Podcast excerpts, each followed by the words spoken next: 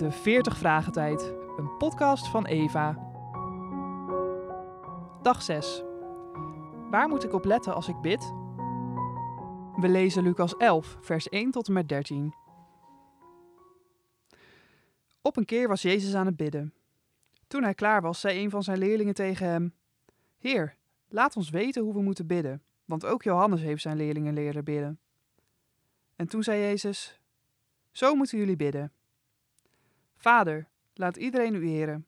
Laat uw nieuwe wereld komen. Geef ons elke dag het eten dat we nodig hebben.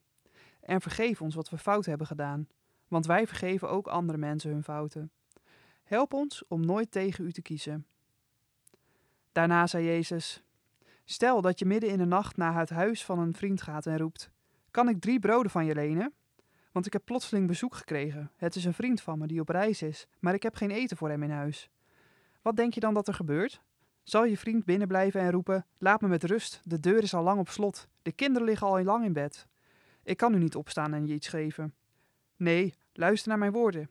Je vriend zal opstaan en je alles geven wat je nodig hebt.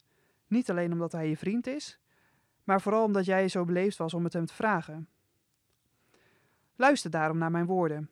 Als je iets vraagt, dan zul je het krijgen. Als je iets zoekt, zul je het vinden. Als je op de deur klopt, wordt er voor je open gedaan.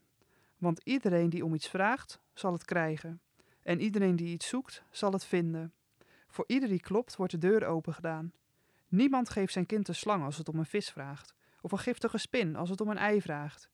Jullie zorgen goed voor je kinderen, ook al zijn jullie slechte mensen. Dan zal jullie hemelse Vader zeker goed voor jullie zorgen. Hij geeft de Heilige Geest aan de mensen die daarom vragen. Waar moet ik op letten als ik bid? Het antwoord. Bidden is net zo gemakkelijk als het kletsen van een klein kind tegen zijn ouders. En tegelijk is het een hele kunst. Hoe benader je de Vader in de hemel? Waar moet je gebed over gaan en waarover niet? Hoe breng je je gedachten op de juiste manier onder woorden? Het antwoord van Jezus is wat wij het Onze Vader noemen. Maar de versie in Lucas verschilt nogal van die in Matthäus. Jezus wilde ons niet per se een formuliergebed aanleren, maar ons duidelijk maken wat in onze gebeden in elk geval aan de orde moet komen. Denk aan de eer van Gods naam, de verwerkelijking van Zijn wil door jou heen. Dat is het koninkrijk van God zoals het in onze tijd vorm krijgt. En je dagelijkse behoeften. En dat is natuurlijk nog heel wat meer dan brood. En verder, wat is je verhouding tot de Vader en tot je naaste? Zijn er zonden die de verhouding in de weg staan? Dan moeten die opgeruimd worden. Jezus benadrukt vooral dat we ontzettend veel van de Vader mogen verwachten. Je hoeft niet bang te zijn dat je al te beschaamd bij God komt.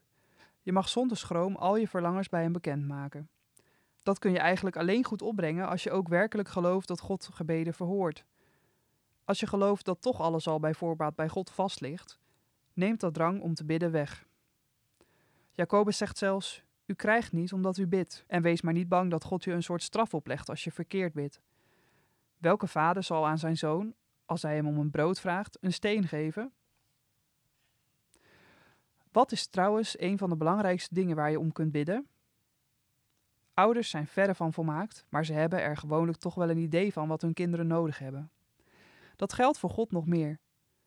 Als u die slecht bent, uw kinderen dus goede gaven weet te geven, hoeveel te meer zal de Hemelse Vader de Heilige Geest geven aan hem die het tot hem bidden. Vraag om de Heilige Geest want Hij is de gids en de krachtbron voor je leven. Zeg niet, maar ik heb de Heilige Geest toch al ontvangen toen ik tot geloof kwam. Dat is zo. Maar heb je al genoeg geest ontvangen? Ben je al vol van de geest? God schenkt de geest in overvloed. De Heilige Geest is niet alleen een persoon, maar ook een kracht. En daar kun je te weinig van hebben, maar nooit te veel. Daarom zegt Paulus: Word vervuld met de geest. Je kunt nauwelijks iets belangrijkers vragen aan God dan dat.